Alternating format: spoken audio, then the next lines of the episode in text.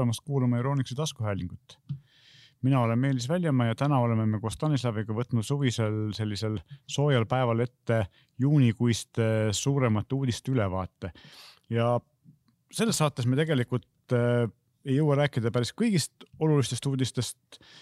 aga kuna juuli on selline kuu, kus äh, suurtel tegijatel on hästi palju nende enda suuri üritusi, siis me tegelikult võtamegi ette kolm suurt juunis toimunud sellist äh, konverentsi või, või esitlust. esimeseks neist on Apple'i Worldwide Developers Conference, kus Apple alati tutvustab uusi, uut tarkvara.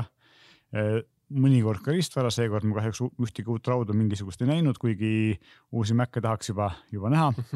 aga seda lõbu ei olnud Äh, räägime siis äh, uuest iOS-ist ja uuest macOS-ist, siis vaatame otsa mängukonverentsile äh, E3, mis jääb küll iga aastaga järjest nõrgemaks, kuna suured tegijad seal väga enam osaleda ei taha ja Sony on ammu teada, et nad on loobunud.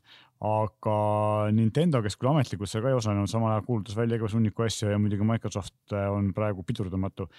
ja kui me juba Microsoftist räägime, siis me kindlasti vaatame üle ka Microsofti suured uudised enamus, millest puudutavad äh, Windows üksteist, mis meil siis äh, aasta lõpuks peaks kohale jõudma ja julgetele on selline arendajate versioon juba alla laetav. aga alustame siis Apple'iga, et äh, võib-olla selline üsna ootamatu ja samas mõnes mõttes paratamatu oli see, et Facetime, mida Apple on ammu pidanud, lubanud teha, lasta vabaks nii-öelda sai siis linkide toe, ehk siis nüüd saab, kui sa oled iOS-i Maci kasutaja ja tahad rääkida Facetime'i kaudu saad kutsuda sinna ka inimesi, kellel ei ole Facetime'i toega seadeteks, kelle, kui sul on vanaemal või kellelgi Androidiga telefon või Windowsiga arvuti, siis saad saata talle lingi, mille kaudu ta saab sinuga vestluses osaleda. noh, väga mõistlik jällegi, suurendab, suurendab kasutajaskonda on ju. just, jõuaks ka sinnamaali, et, et saaks kuidagi alustada kõnet Facetime'ist nagu nende teiste seadmete pealt, aga, aga see jällegi võtaks ära ühe ühe Apple'i suure eelise. Ja muidugi noh, eriti äge oleks see, kui nad teeksid sellise lükke, et ühendaksid Facetime'i ja iMessage'i, mis oleks tegelikult mm -hmm. loogiline. ja, ja siis äh, annaksid selle ühise äpi välja ka näiteks Androidile, et see oleks nagu ma ütleks universaalne standard loodud. Face message päris hea nimi. ilmselgelt nad kunagi seda kasutame aga jah, selles mõttes kahtlemata, et muidugi jah, nüüd tekib siis see küsimus, et, et kui eelnevalt oligi see mm, Apple'i ökosüsteem väga Apple'i seadmete põhine, siis noh no, me järjest näeme ju ka seda, et hakatakse ka väljapoole looma. Tuge, mis iseenesest on väga tervitatav nähtus ja ja nii-öelda lõpptarbija seisukohast väga okei okay,, sest võib-olla mul tõesti ongi pere, kes või pereliikmed, kes ei ole sada protsenti ikkagi Apple'i usku nii-öelda ja siis Just. me saame ikkagi omavahel suhelda. eriti siin Euroopas, kus neid Apple'i usku inimesi on kõvasti vähem kui, kui, kui USA-s või, või noh, jah, Inglismaa on, on natuke rohkem kui keskmine Euroopa Apple'i usku mm, -hmm. aga siin lõuna pool Hispaanias, Kreekas, seal on seda kasutajaskonda ikka väga vähe. no just. ja noh, Eestis on loomulikult, nagu me oleme näinud, siis äh, mida paremaks meelelahutuse läheb, seda rohkem Apple'i kasutajaid tuleb. aga mis on ka loogiline iseenesest mhm. muidugi mm -hmm aga teine asi, mis FaceTime'is on uut, on see, et saab teha sellist watch party't ehk siis vaadata videot või kuulata muusikat koos kuskil mujal asuva sõbraga.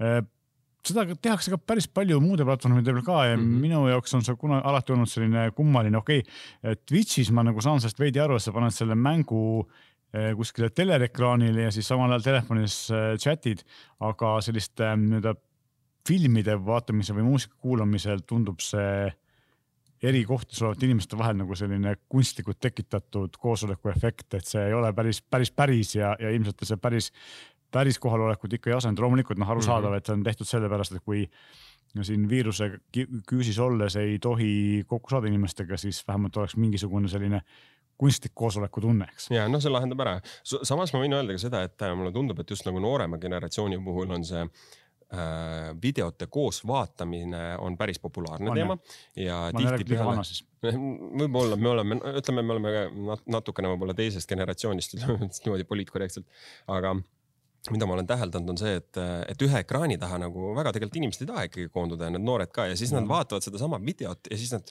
küsivad, et kuule, kas sa seda hetke sellel minutil nägid? Aa ei, oota, ma kerin korra sinna, et võib-olla just vaata sealt tuligi see arenduse vajadus välja, et kuule, aga me oleme nüüd ühel lehel mõlemad vaatame sedasama videot, arutleme samal, samast videost ja oleme täpselt sama sekundi peal, vot võib-olla on nagu see see use case. eks selline erinevate ekraanide peal asjade tegemine suuremas seltskonnas on üldse populaarne, et ma just mm -hmm. täna nägin ühte uut Nintendo Switch Lite'i reklaami, kus oli siis vähemalt üks, võib-olla ka kaks perekonda eh, karjalastega, kellel kõigil oli Switch Lite'id, kes omavahel mängisid mm -hmm. ehk siis mitte ühe ekraani taga, vaid igalühel oma, aga samas kõik koos. sama mäng on ju. no vot, et jah igati loogiline ilmselt. päris suur kulu lapsevanematele. kahtlemata aga samas ka hea, hea veetmisviis just. ja, ja siis järgmine asi, mille Apple välja kuulutas, on see, et tehisintellekti poolt toetatud live tekst, mis loeb sinu fotodel olevat teksti ja lubab, lubab seda siis kopeerida kuskile mujale. et iseenesest nagu hea omadus, mina kasutan seda Androidi peal kogu aeg, lihtsalt naljakas on see, et jällegi on tegemist asjaga, mis Androidil on olnud aastaid mm. -hmm Google Lens ja, ja üldse Google, Google otsing, eks ole, on võimaldanud seda teha oh, väga pikalt. ju väga hästi kusjuures. ja ehk siis laias laastus nagu lihtsamalt öeldes on see, et kui sa teed pildi mingisugusest tekstist, siis sa saad seda kopeerida lihtsalt. Nagu noh, ütleme trükitekstiks siis. just, et äh, selles mõttes on see, ma kasutan seda aeg-ajalt päris ohtralt mm, -hmm. kui on äh, eriti kui ma teen pilti mõnest, tootekoodist või asjast, siis mm -hmm. seda on päris hea kopeerida ja järgmine asi on iPad mm, -hmm. iPadil on siis äh, iP iPad OS viisteist, nad mm -hmm. ju mhm. nüüd on eristanud kõik kõigi iOS-i versioonide puhul on uued erinevad nimed, eks ole, on WatchOS ja iPadOS äh,. lubab siis ähm,, kui siiamaani oli widget'id kas siis eraldi ekraani peal või siis on üleval nurgas, siis nüüd saab neid paremini liigutada mööda ekraani ringi ja samuti teeb siis mitmete akende haldamise mugavamaks, et seda nad üritavad kogu aeg järjest paremaks teha ja noh, ilmselgelt on eesmärk ju see, et Apple'i unistus on see, et asend, et iPad asendaks arvutit, eks mm. -hmm. ja, ja. mitte küll Maci loodud no jah, et ilmselt muidugi noh, mina näen küll tulevikus seda, et, et seal jooksebki üks macOS ja iOS-i mm -hmm. selline sümbioos, sümbioos mm, -hmm. mis, mis jookseb kõigi asjade peale, eks mm. -hmm. no loogiline e,. absoluutselt ja varsti me jõuame sümbiooside jutuga ka Windows üheteistkümne puhul e, sellest veelgi rääkida mm. -hmm. ja mis on nagu mõnes mõttes loogiline areng, aga samas Apple'i puhul ikkagi veidi üllatav on see, et et Apple Health, mis siis kogub kella ja, ja iPhone'i pealt ja siis kolmandate tootjate vidinatega ka terviseandmeid. Lubab neid nüüd siis iOS viieteistkümnega jagada pereliikmete ja arstidega, mis on tegelikult mm -hmm. nagu mõnes mõttes igatepidi positiivne, sest et kui sul tõesti on mingisugune haigus või, või sündroom, mida mm -hmm. sa mhm. peaksid nagu arstiga jagama, siis äh, nüüd on see palju lihtsam, ei pea midagi kopeerima, mingit screenshot'e tegema ja nii edasi, vaid saad mm -hmm. selle, selle põhimõtteliselt lingiga ära saata. jah, no ja pereliikmete vahel on siis see, et kui kellelgi pereliikmetest midagi, midagi peakski tekkima, et noh, see pilt, mis nad siin jagasid, ongi täpselt see, et ma ei tea, seal on mingisugune teavitus nii-öelda või mingi hoiatus näiteks isal Just. ja, ja lapsel on ju, et siis saavad teised pereliikmed kohe reageerida sellele. just. iseenesest on hea. ehk siis äh, noh, üllatav on selle poolest või noh, mõnes mõttes, et Apple tegelikult ju on väga tugevalt privaatsuse selline lipulaev ja mm, -hmm. ja ilmselt võttis päris kaua aega, et seda teha piisavalt turvaliseks, et, et need andmed kuskile lekkima ei läheks tänu mm -hmm. sellele funktsioonile ja. AirPodsidest. AirPodsidest jah, et äh, mida võis oodata, aga mis on siiski huvitav, et nad tõid selle turule nagu tagantjärgi või, või siis tarkvara uuendusega toovad turule, on siis äh, Find My võrk, mida kasutatakse kadunud iPhone'ide otsimisel ja samuti ka uue AirTagi puhul. Äh, siis nüüd saab sealt otsida ka AirPod, mis on ära kadunud, põhimõtteliselt niimoodi, et, et kui sinu kadunud AirPodi ligidale satub kellegi teise telefon, mis on Bluetoothiga Bluetoothi mm -hmm. ühenduse kauguses, siis ta annab sulle teada, et, et vot, et ma olen nüüd siin mm. -hmm. tegelikult väga hea asi, sest et neid klappe kaotatakse väga palju ja, ja inimesed on väga suures mures selle pärast. et äh, minu, mina kaotasin ära oma jabrad kunagi siin, tähendab ühe, ühe parempoolse ja ma ei leidnudki seda kunagi üles ja teine pool seisab siiamaani kus karbi kasutatud, kuna uue, ühe poole ostmine on kallim kui terve uus klapipaar mm. -hmm. täpselt on ju ja teine AirPodsi huvitav funktsioon on siis Conversation Boost, mida ka mõned teised klapitootjad üritavad ka teha, mis siis tekitab, teeb põhimõtteliselt klappides sellise Äh,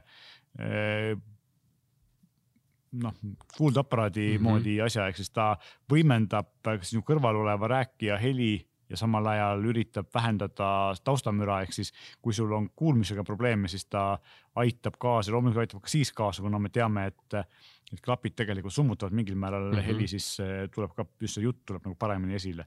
et tegelikult kuna tavalised AirPodsid ongi ju pigem mõeldud selle jaoks, et nad istuvad seal kogu aeg kõrvas, saad nendega rääkida, et nad ei ole pigem niivõrd head muusika kuulamisseadmed mm, -hmm. aga nad on väga head kõneklapid, siis tegelikult ähm, just sellise jutu jaoks on see, et, et ka siis nüüd mitte ainult nagu üle võrgu või üle telefoniside rääkimiseks, vaid ka on, aitab ta kaasa ka siis, kus inimene füüsiliselt kõrval on ja sa teda väga hästi ei kuule mm. -hmm. noh, võimendab kõne on ju ja jällegi jah, teiste, ütleme teiste tootjate klappide pealt äh, võin öelda, et väga kasulik funktsioon. igal juhul et äh, tootjadel on tegelikult päris tihti see, et nad küll võimendavad seda välist heli, aga nad võimendavad kõike, et nad ei saa väga hästi hakkama selle müra mm -hmm. puhastamisega jah. see on ilmselt võib-olla, ei ole küll ise proovinud, aga kui mm -hmm. Apple seda suudab hästi ära teha, siis see on jällegi mm -hmm. üsna edumeelne innovatsioon.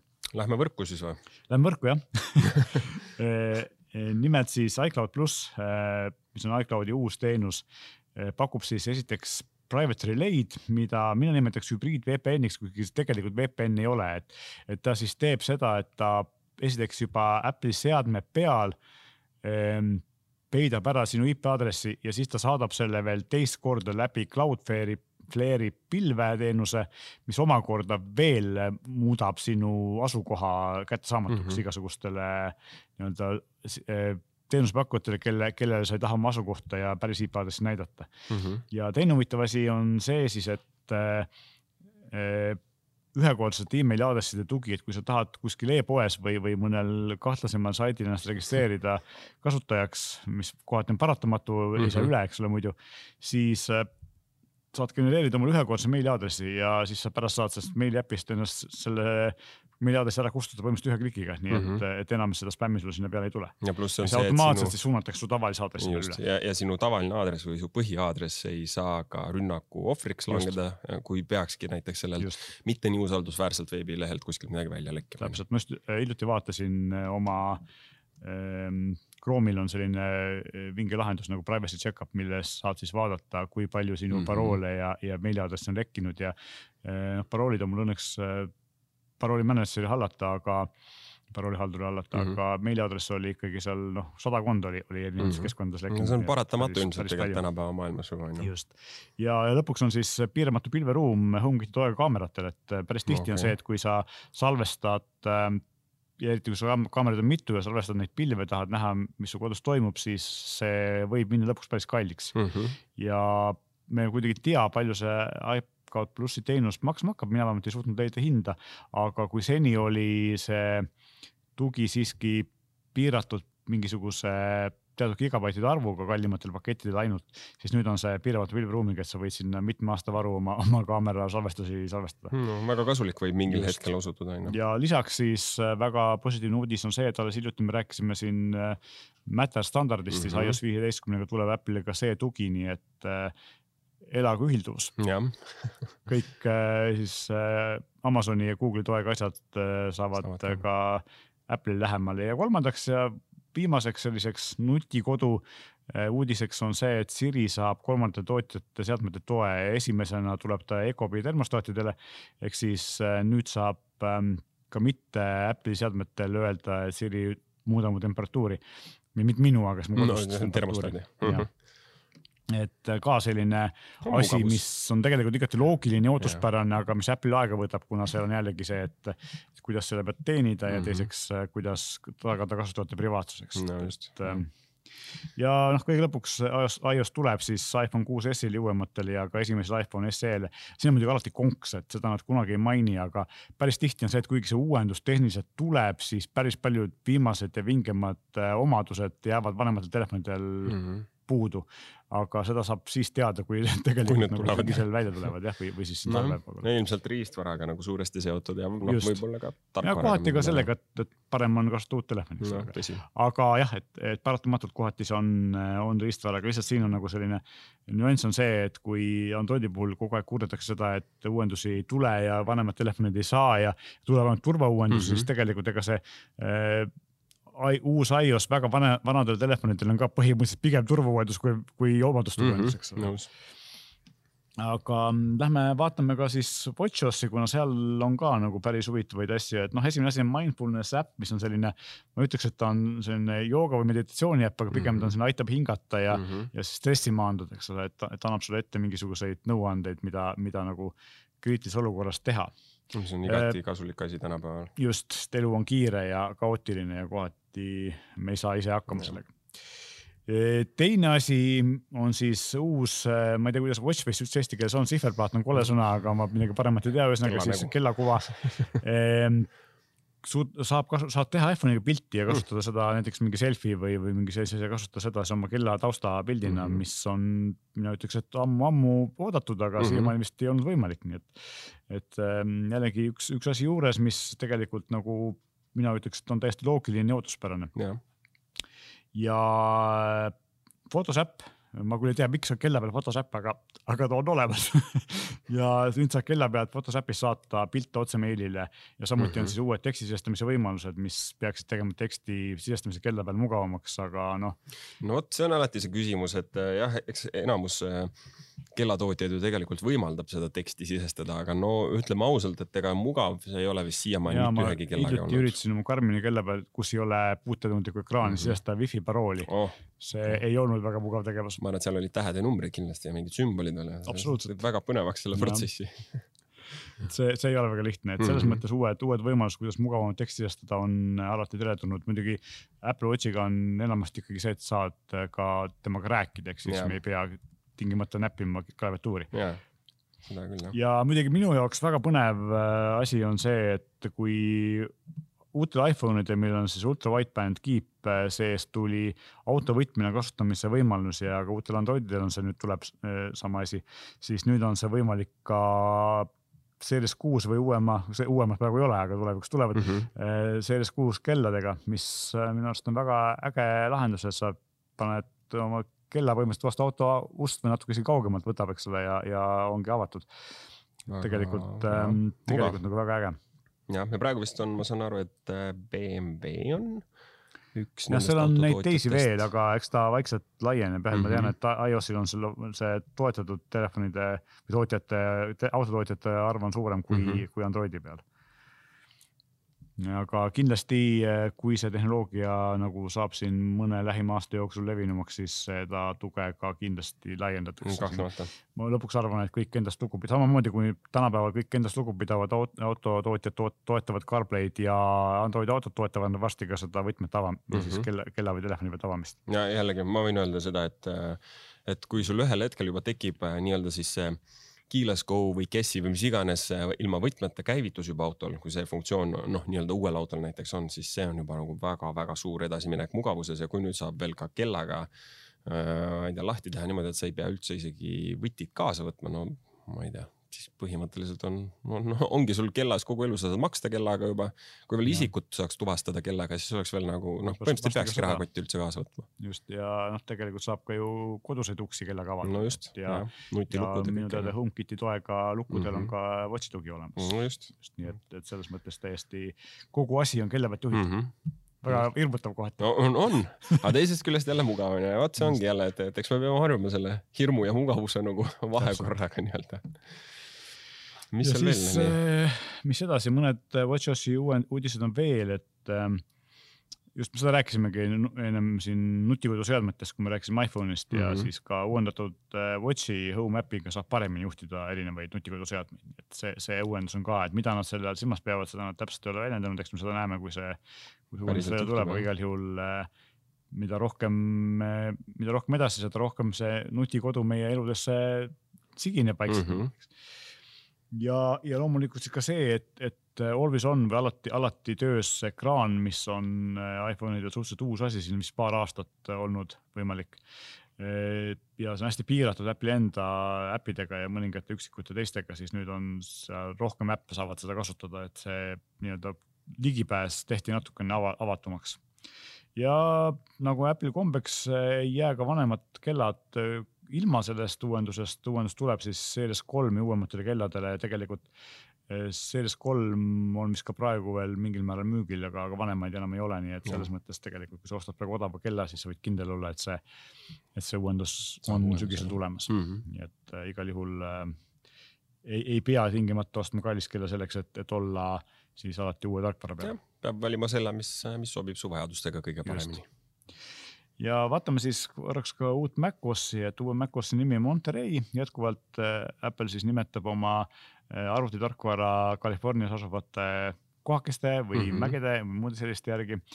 ja esimene asi, kuna me kõik kasutame kõige rohkem arvutis ilmselt brauserit, siis äh, Apple'i ja vaikimisi brauseri Safaril on nüüd hoopis teistsugune disain, sihuke kandiliste tääbidega ja.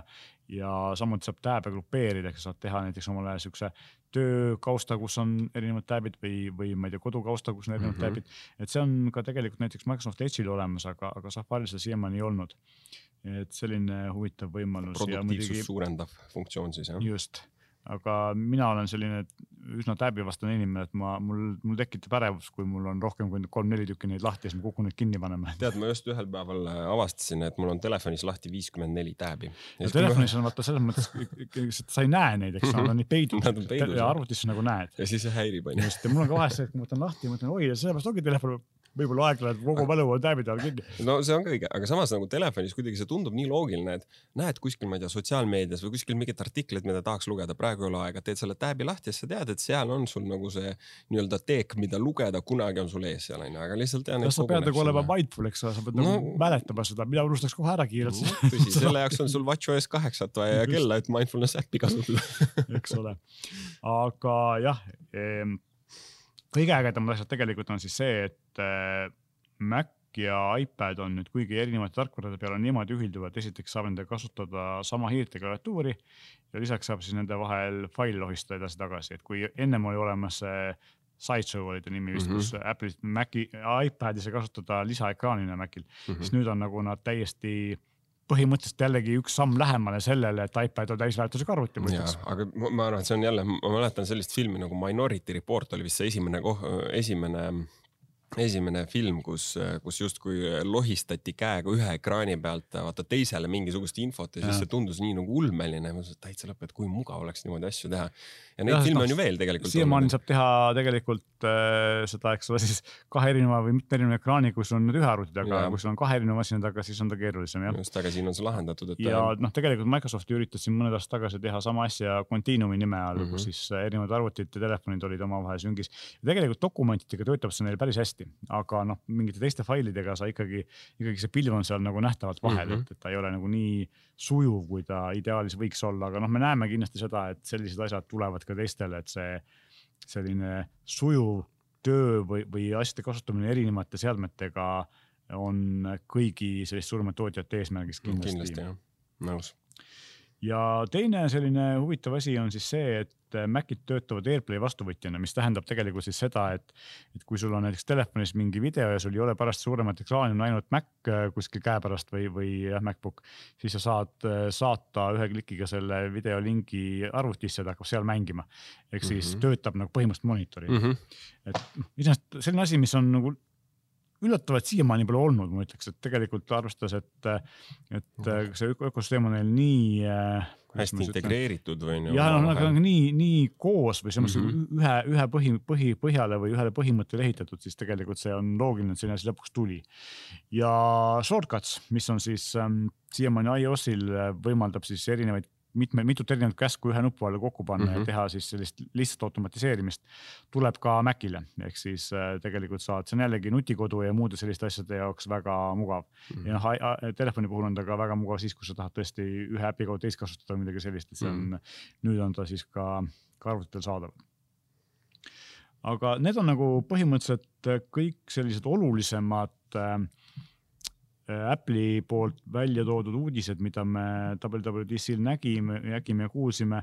Äh, välja tulevad need tarkvarad siis nagu ikka siin kuskil septembris-oktoobris ja tõenäoliselt koos uute telefonide kelladega, millest mm -hmm. nad praegu midagi ei räägi. ja, ja beetasid saab praegu juba testida, kes julgeb ja, ja beetat ei karda no,. pigem soovitaks võib-olla siis teha mingi varutelefoniga, varu no,, varuseadmega seda onju, et huvitab. kuigi Apple'i beetadega on enamasti olnud nii, et nad on üsna hästi ja. jooksvad ja praegu tegelikult uuemate Androidi beetadega on see, et nad jooksevad mm -hmm. üllatavalt hästi mm, -hmm. vanasti oli sellega rohkem probleeme. rohkem põnevust.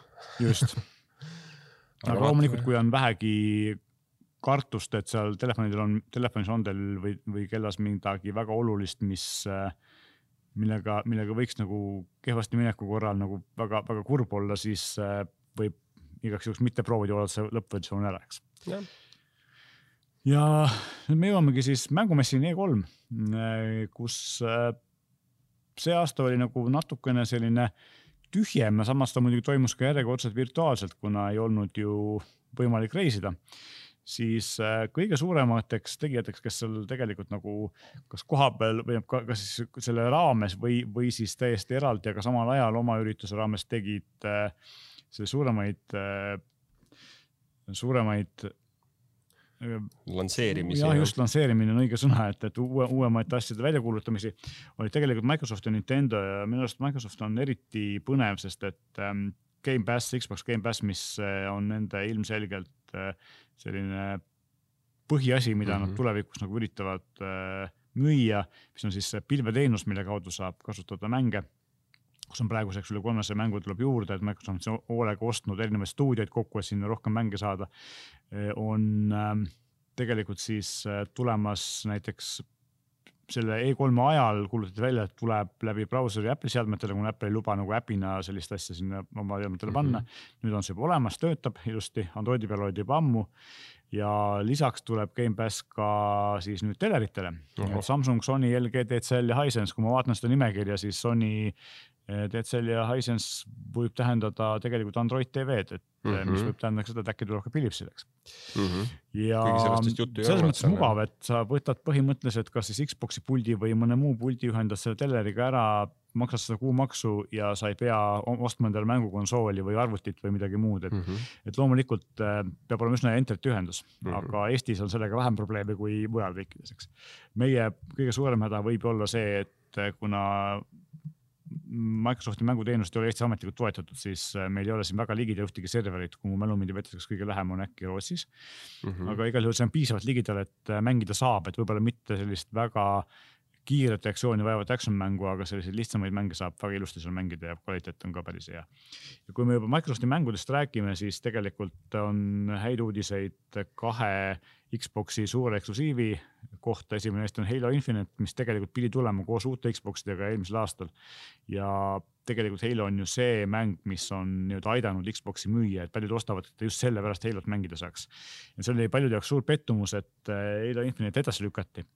ja praeguseks on seda edasi lükatud nüüd juba päris mitu korda ja nüüd lõpuks siis on lootust, et ta lõpuks jõuluks jõuab kohale, et kõik, kes äh, Xbox'i omavad ja Halot mängida tahavad, siis äh, jõulukingiks. kirjutage jõulvanale kiri ja, ja teine selline eksklusiivne mäng on Forza Horizon viis, mis ilmub üheksandal novembril, kui juhul, kui ta edasi lükata mm. -hmm. ja nagu Forza ikka on tegemist ühe parima rallimänguseeriaga ja ilmselt konkurentsiliselt kõige ilusama rallimänguseeriaga, et selle autode ja looduse selline disain on neil ikka fantastiline, et, see on üllatav, mida suudetakse konsooli peal teha, et see on parem kuni mõnigi arvutimäng.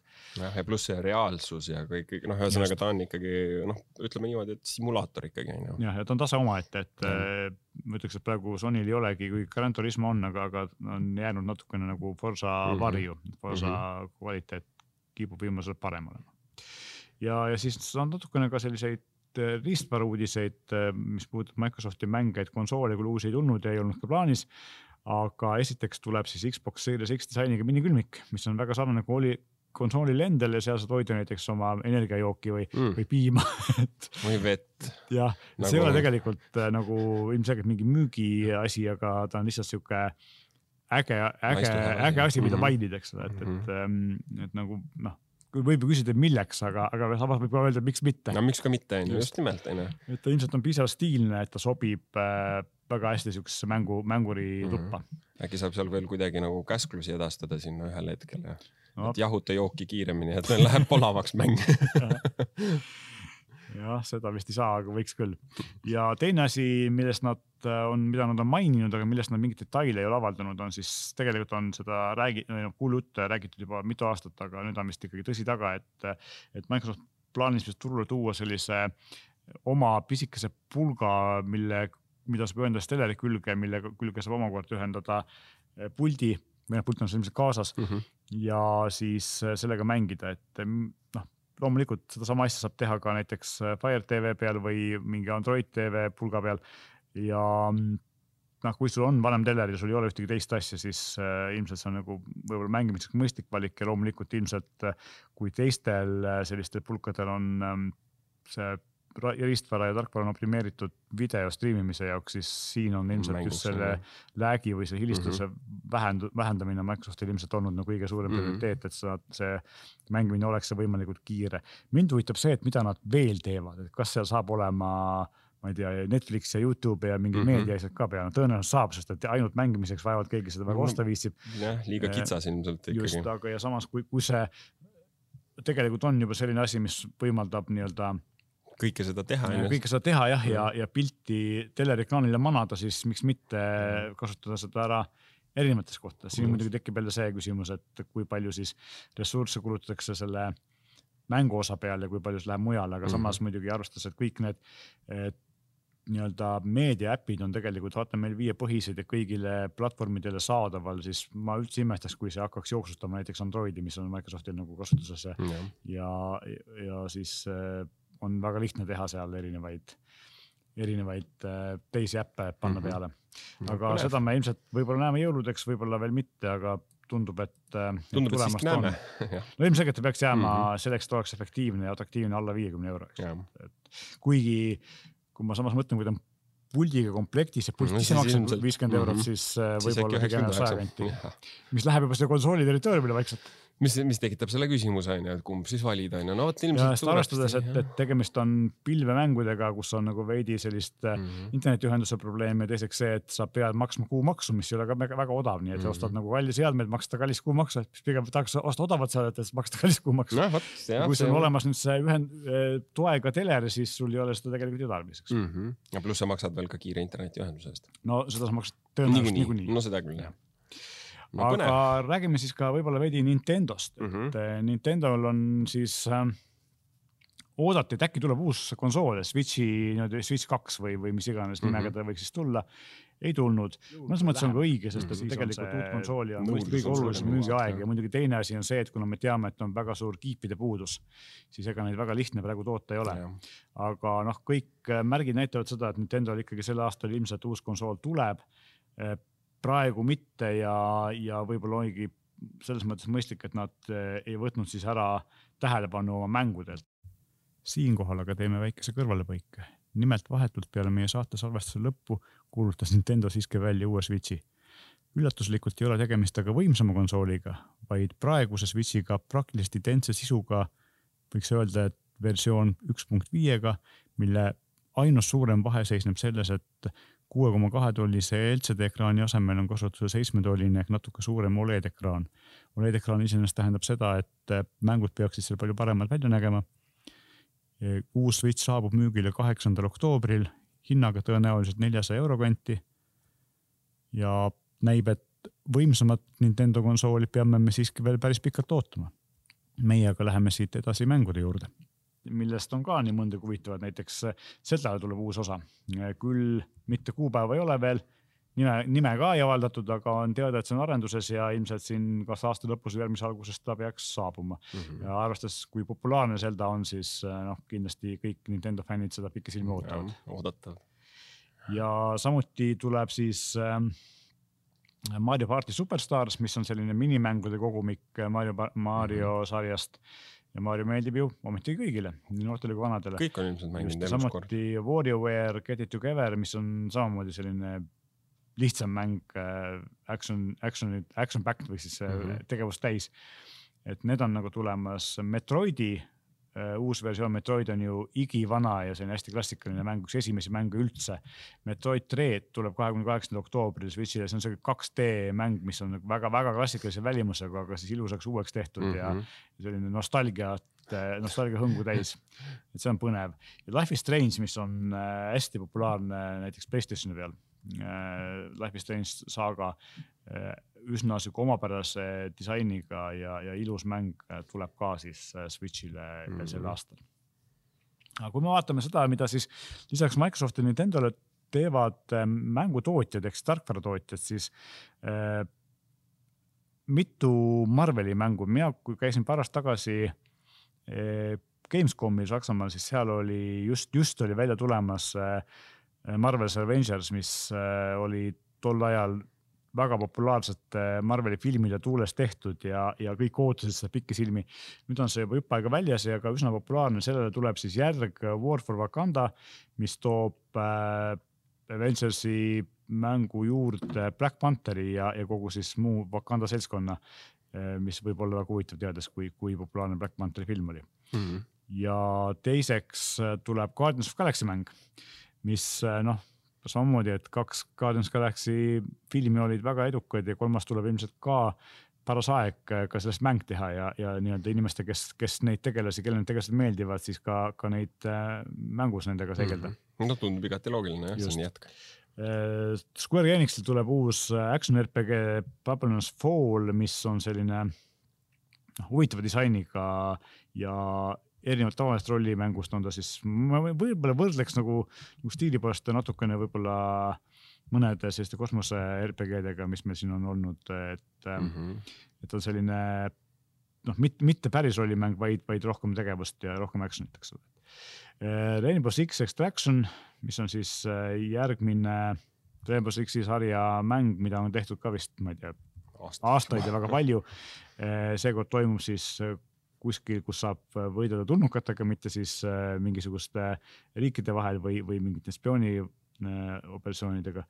ja Rainbow Six Extraction saabub kuueteistkümnendal septembril ja praktiliselt kõigile platvormidele, Switch'i vist seal hulgas ei olnud mm, -hmm. aga PS, Playstation viis on neli äkki ka, Xbox, PC, nii et, et põhimõtteliselt ähm,. igal pool saab mängida jah Assassin's Creed Valhalla, mis on ähm, tegelikult äh, minu arust kõige sihuke ägedam Assassin's Creed'i sarja mäng, sest ta sisaldab viikingeid, mis on eestlastele nagu ilmselt sellised südamelähedane. ja, ja see saab siis äh, uue laienduse Siege of Paris, et äh, Pariisi piiramine, mis on viikingite ajaloos selline suur sündmus ja millest on ka siin mitmetes filmides, sarjades juttu olnud, kuidas viikingid siis Pariisi üritasid vallutada mm. -hmm. et Äh, ja see tuleb äh, sel aastal ja lisaks tuleb ka järgmisel aastal veel mitmeid uusi laiendusi, millest nad täpsemalt ei räägitud.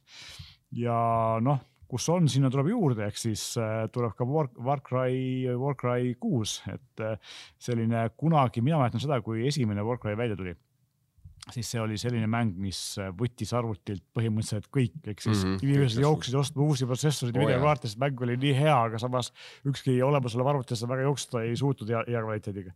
ma võin sulle öelda, kiirelt rääkida loo, kus ma peaaegu et pool suve töötasin selle jaoks, et osta endale uus graafikakaart selle jaoks, et Cry'd mängida, nii et. no vot siis Äh, mina ei ostnud, aga ma ei saanud ka seda väga mängida no, nii et äh, see Warcraft kuus uus osa tuleb siis oktoobris ja ilmselt saab olema ka väga edukas. Ja lõpuks üllatus-üllatus, kui me juba siin Marvelist rääkisime, siis äh, tehakse mäng ka avatarist avatari filmi on meil lubatud siin uusi osi vist viimased kümme aastat ja mitte midagi pole toimunud. järjest lükatakse edasi, aga tundub, et järgmisel aastal äkki me näeme enne mängu kui uut filmi mm. -hmm. et Avatar Frontiers of Pandora peaks saabuma järgmisel aastal, aga kuupäeva täpselt veel ei ole ja kuna me teame, et et mänge lükatakse pidevalt edasi, sest nende arendamine on keeruline, siis äh, kõik need kuupäevad, millest me siin rääkinud oleme, on sellised esialgsed, mis võivad äh, muutuda, nii et äh, et sellega võiks arvestada, aga igal juhul päris nagu mitu sellist korralikku suurt mängu on tulemas. loomulikult oli eelkolmel hästi palju väiksemaid ja keskmise suurusega mänge eh,, nii uusi kui uuendusi, kui ka siis muudetud kuupäevi ja, ja näidati palju treilereid, aga nendest eh, muidugi siin rääkida ei jõua, sest muidu kogu saateaeg oleks ka ainult pisikeste mängudele keskendumine. aga meie läheme hoopis eh, Microsofti maailma otsapidi tagasi ja seekord mitte mängude mängudesse keskendudes, vaid hoopis äh, räägime uuest Windowsist, mis üllatavalt tuli äh, või tuleb äh, ja ei ole ta enam mitte Windows kümme X, vaid on Windows üksteist vahepeal siin ju üritati arendada Windows kümme X-i sellistele lahematele seadmetele, aga see idee nüüd pandi ilmselt riiulile paremaid aegu ootama. ja kui vahepeal olid, levisid kuulujutud, et on öeldud, et Windows kümme on nagu viimane Windows, mis üldse tuleb ja samamoodi nagu Mac OS X-i hakatakse siis seda nimetama äh, ainult Windows kümneks ja siis mingisuguse seerianumbriga või, või aastanumbriga, siis tegelikult äh, seda nad, Microsoft ei ole seda kogu aeg mm. kunagi öelnud, et see kuulujutt läks kuskilt levima, aga, aga tegelikult see ei vasta tõele ja nüüd on Windows üksteist kohe kohal. beeta on juba saadaval, ma olen seda ise proovinud. ja noh, kõige suurem, kõige rohkem tähelepanu pälvinud ja selline kõige rohkem kõneainet tekitanud asi on see, et süsteemi nõuded on väga kõrged, ehk siis väga paljud inimesed, kellel on vähegi vanem arvuti, ei pruugi Windows üksteist saada mm. -hmm. tahetakse, soovitakse siis kas ähm, Inteli kaheksanda põlvkonna protsessorit või AMD Zen kaks protsessorit või uuemat ja TPM2 moodulit, mis on selline krüpteerimiskiip, mis peab emaplaadil olema. Õnneks on see, et praktiliselt kõik uuemad protsessorid tegelikult Äh, teevad TPM-i tööd virtuaalselt, nii et kui sul seda füüsilist ei ole, aga on uuem protsessor, siis tegelikult sellest piisab. küll on aga see näiteks mänguritele mõeldud emaplaatidel on see välja lülitatud ja päris tihti on ka see BIOSisse võimalus ära võetud, see sisse lülitada, nii et mm, -hmm. et seal on jällegi see, et kui sa oled ostnud endale kange mänguarvuti, siis võib juhtuda, et sa Windows üksteist ei saa, mis on omakorda nukker, sest et Windows üksteist päris palju ka toob uusi mänguritele suunatud lahendusi, näiteks parema HDR-i toe ja, ja sellised asjad, nii et Mm -hmm. et tegelikult, äh, aga samas äh, need nõuded on praegu sellised, aga need ei ole hetkel veel lõplikud, sest et kuna sellist tagasisidet negatiivset on selle kohta päris palju, siis Microsoft äh, on öelnud, et nad kaaluvad seda, et kas on võimalik neid nõudeid teha nõrgemateks mm. -hmm. miks see nii on tehtud, sellest ma aru ei saa, no ilmselgelt TPM-i nõue on sellepärast, et no, oleks rohkem turvalisust, eks. aga samas äh, noh, ja mõnes mõttes on ka mõistlik äh, ju jätta mingi osa vanematest masinatest maha just sellepärast, et äh, et ikkagi, kui uusi asju vanemate masinate peal teha ei saa, siis miks neid kaasa vedada. no just, et see teeb poolikuks kuidagi see lahendus. probleem on selles, et äh, noh, Microsofti suur häda erinevalt Apple'ist on see, et neil on tohutu kogus ärikliente, kes vajavad sellist laias skaalas tuge mm -hmm. ja IT-osakondadel, suurfirmadel on tohutult palju erinevaid skripte, mis automaatselt asju installivad ja kui seal mingisugune komponent ära võetakse, seda asja nagu lihtsamaks teha, siis äh, kohe on miljonid masinad, mis, mis ei saa seda uuendust endale lubada, nii et, et see on nagu Microsofti poolt väga suur probleem mm. -hmm. ja kogu seda IT-tööd nullist uuesti teha lihtsalt ei ole võimalik. no ressursimahukas jah, ja tegelikult ja... ja, ja ju väga palju mingeid spetsiifilisi masinaid tegelikult ju siiamaani kasutavad väga vanu Windowsi versioone, on ta no, siis üheksakümmend kaheksa XP on ju. just, äh, mis puudutab autodiagnostikat, ma tean, on, on noh, ongi tarkvarad, ma ei tea kuskilt äh, on mul äh, kuul-, noh jäänud, jäänud meelde, et näiteks McLarenil on siiamaani ongi väga vanadel Windowsil jooksevad need diagnostikaseadmed ja ja põhimõtteliselt neid väga nagu ei uuendatagi nagu Just. värskemate vastu. mingisugused eriti markantsed näitajad minu arust need, kus äh, diagnostika tarkvara võimalik käivitada ainult flopi pealt. ja just. just, et mis nagu, teades kui õrn on flopi ja kui kiiresti sellest võib lahti saada, siis see on ikka päris tulega mängimine. aga mina tean ka seda, et vana, siin mõned ajad tagasi olid veel päris mitmed äh, pangaautomaadid mm -hmm. XP peal. aga praeguseks on pangaautomaadid praktiliselt kõik kas äh, uuemate Windowsite või hoopis Linuxi peale üle läinud mm, -hmm. et, et kuna seal ei ole vaja väga palju sellist äh, operatsioonisüsteemi osa ja pigem kogu see no, suhtlus käib ju, käib ju keskserveriga, mis tähendab seda, et kõige olulisem on see, et see kanal oleks turvaline mm. -hmm. ja aga no, kui me Linuxist juba rääkisime, siis tegelikult äh, Windows üheksateistkümne startmenüü meenutab no, äh, väga Linuxit, ma ütleks mingit KDE-d või, või midagi sellist, et ma väga. kogu aeg olen mõelnud, et see on selline veidi igav ja, ja selline e, võib-olla vanakooli see, aga samas ilmselt selline lihtsus ja igavus hakkabki nagu tagasi tulema, et, et asju võimalikult vähe oleks, no võimalikult nä selgesti nähtavad oleks. ja loomulikult noh, kõige kõige selgemini nähtav asi Windows üheteistkümne puhul on see, et start menüü on toodud siis äh, vasakust äärest keskele. tead, ma, ma, ma ütlen siia, ma ütlen siia vahele lihtsalt, et äh, kui päris aus olla, ma tegin Microsofti lehe lahti, kus on Windows üheteistkümne nii-öelda see landing page või siis see avaleht ja ma sattusin korraks tõsiselt segadusse, kas ma sattusin Maci lehele? No, päris tõsiselt kohe, sellepärast et kui sa noh no, minge vaadake, kui, mis iganes hetkel te seda saadet kuulate, et lihtsalt korra vaadake seda, seda lehekülge. et no see on nagu äravahetamiseni sarnane nii kujunduslikult see lahendus tegelikult, et kuidas, kuidas on see arvuti seisab, millised need värvid on, millised on need tekstistiilid ehk siis kirjastiilid kasutusel, et noh, korra ikka tekitas segaduse, välja arvatud siis see osa, et, et selle arvuti peal, mis siin on, ei ole siis äh, MacBook kirjutatud lihtsalt, et.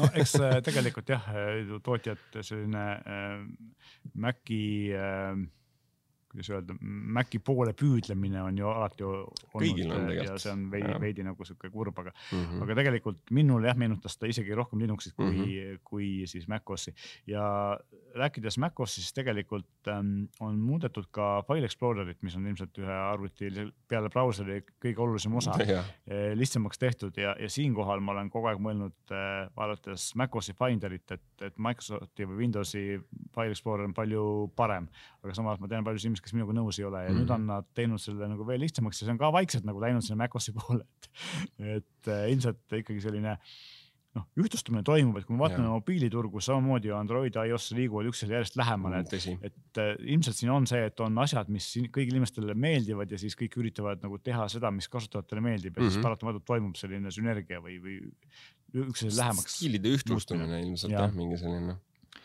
ja loomulikult äh, siis taskbar, kuna, kuna startmenüü liigub keskele, kellele ei meeldi, saab sellega tõsta vasakule tagasi, aga vaikimisi on ta keskel. ja see tähendab ka seda, et mina kasutan näiteks oma taskbar'i niimoodi, et see ei ole mul mitte siin arvuti all ääres, vaid külje peal, kuna kitsas ekraan, siis külje peal on rohkem ruumi mm. -hmm. seda enam Windows üheteistkümne puhul teha ei saa okei okay,, nii et ta jääb alla. just ja teine asi, mis on nagu lisatud, mida siiamaani oli võimalik teha eraldi äpiga, nüüd on Windows üheteistkümnes sees, on siis äh, Snap Assistant ehk siis äh, kui sa kasutad mitut akent, siis saad väga lihtsalt äh, tõmmata nad kuskile üles-alla või paremale-vasakule äärde mm -hmm. mitu tükki korraga.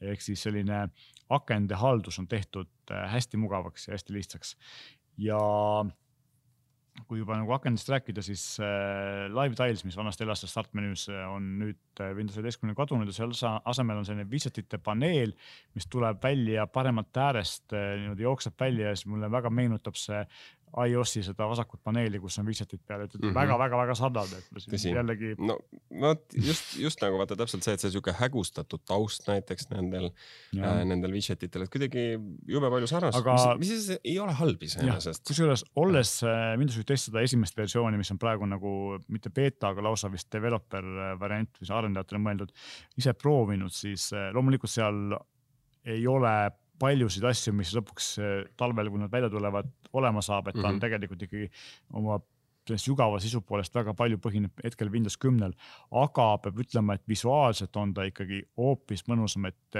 just eriti seaded ja sellised menüüd on tehtud niivõrd palju mugavamaks mm, -hmm. loogilisemaks, asjade leidmine on palju lihtsam, et ma ei osanud sellele varem kurta, kus ma seda üht-teist proovinud, nagu Windows kümme tundub, tundub sihuke keeruline ja vanamoeline.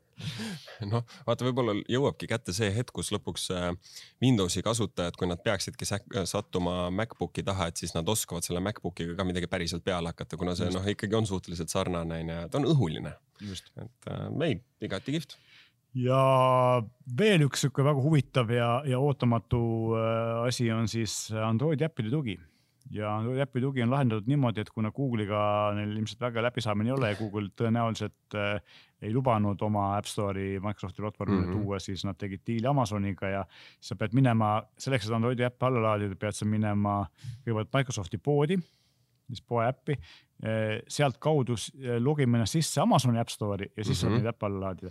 et noh, kui palju neid vaja on, see teine asi, ma kujutan ette mingit suhtlusäpid võib-olla on isegi täitsa mõistlikud, eks ole, või, mõni, mõned asjad on, mis on või needsamad nutikodu mm -hmm. juhtimine, mis tegelikult on ju Androidil, no ütleme telefonidel üldse palju parem kui arvutitel mm. -hmm. et on mõningaid asju, mida võib-olla võiks kasutada, aga ma ei, samas ei näe, et see nagu väga oluline oleks ja, ja noh, ilmselt üks, üks probleem ongi see, et seal ei saa olema ühtegi Google'i äppi. Ja teine asi on see, et ka asjad, mis vajavad siis Google'i teenuseid, ilmselt niisama lihtsalt tööle ei saa, kuigi juba räägitakse, et tõenäoliselt saab neid isekäsitsi sinna paigaldada. No., noh, eks paistab nagu, nagu paljude asjade mm. -hmm ja samamoodi nagu LiveTiles on kadunud, on tegelikult kadunud ka Cortana. Praktiliselt üldse, reaalselt on ta veel veidi seal olemas, aga ta enam ei ole nii tüütu, kui ta oli Windows kümne puhul et, et kohe ei tutvusta ennast äh, niipea, kui uus Windows on paigaldatud, jah? just, ta tegelikult ju tutvustas äh, enne, ennast äh, juba enne paigaldamist, ehk no, siis tere, mina olen Cortana ja mm -hmm. hakkab nüüd paigaldama. jah, õige seda, seda ta enam ei ole, et tüüt, tüütud enam ei ole ja samuti on kadunud tablet mode, mis oli Windows kaheksast saadik Windowsil, et ma ütleks, et tegelikult seda ei olnudki väga vaja, arvestades nüüd Windows üheteistkümnel on puutealad on tehtud palju suuremaks, palju paremaks, puutetundlik juhtimine on tehtud selliseks, sul tegelikult ei ole spetsiaalset tahvlite jaoks mõe- või mhm. puutekraanide jaoks mõeldud režiimi tarvis. ja ilmselt see teeb nagu kogu Windowsi ehitamise ju lihtsamaks, kui ei ole mingisugust teist kasutajaliidest vaja mm -hmm. sinna nagu Nõus. juurde panna. ikoonid on palju ilusamad. tõsi. Äh, palju kaasaegsemad ja palju lihtsamalt nähtavad. ja noh, loomulikult äh, kuna puuteekraani tugi on ja Windowsit üritatakse järjest selliseks, mitte lahjemaks, aga järjest kergemaks võiks öelda teha, et mm -hmm. töötaks ka, töötaks ka lihtsamatel seadmetel, sealhulgas armseadmetel, kuna noh, Apple on olnud äh, oma uute armiga MacBook idega väga edukad, siis ähm, Office'ile tuleb ka siis kuuekümne nelja bitine armi tugi, mis tähendab seda, et et ilmselgelt me hakkame nägema kuuekümne nelja bitise ARM äh, protsessoritega Windowsi arvuteid rohkem kui siiamaani. siiamaani mm -hmm. on mhm. paar mudelit, mis on väga kallid olnud, aga küll nad, küll nad tulevad. ja ilmselt Windows üheteistkümnega oleme enam-vähem ära katnud, et võib-olla kõige lõppu võib siia öelda sellise numbri, et äh, lisaks Apple'ile on nüüd ka Microsofti turuväärtus üle kahe triljoni dollari. ehk siis, äh, kui seni oli selle piiri ületanud ainult Apple ja, ja ja lähe-, sinna lähedale on saanud ainult järg-, järgmisena mõned naftafirmad, siis nüüd on kaks tehnoloogiafirmat on selle müstilise künnise ületanud, et. Äh, jah, ja kui tekkis küsimus, mis asi on triljon, siis äh, see on miljon miljonit. just, nii et äh, väga palju miljoneid väga palju miljoneid. aga sellega ilmselt võtamegi kokku selle saate, kus me rääkisime siis juunikuistest suurüritustest ja seal toimunud uudistest. järgmises saates me tõenäoliselt räägime siis nendest uudistest, mis olid juunis tähtsad, aga samal ajal ei mahtunud siia nende kolme suure ürituse raamesse. aitäh kuulamast. thank you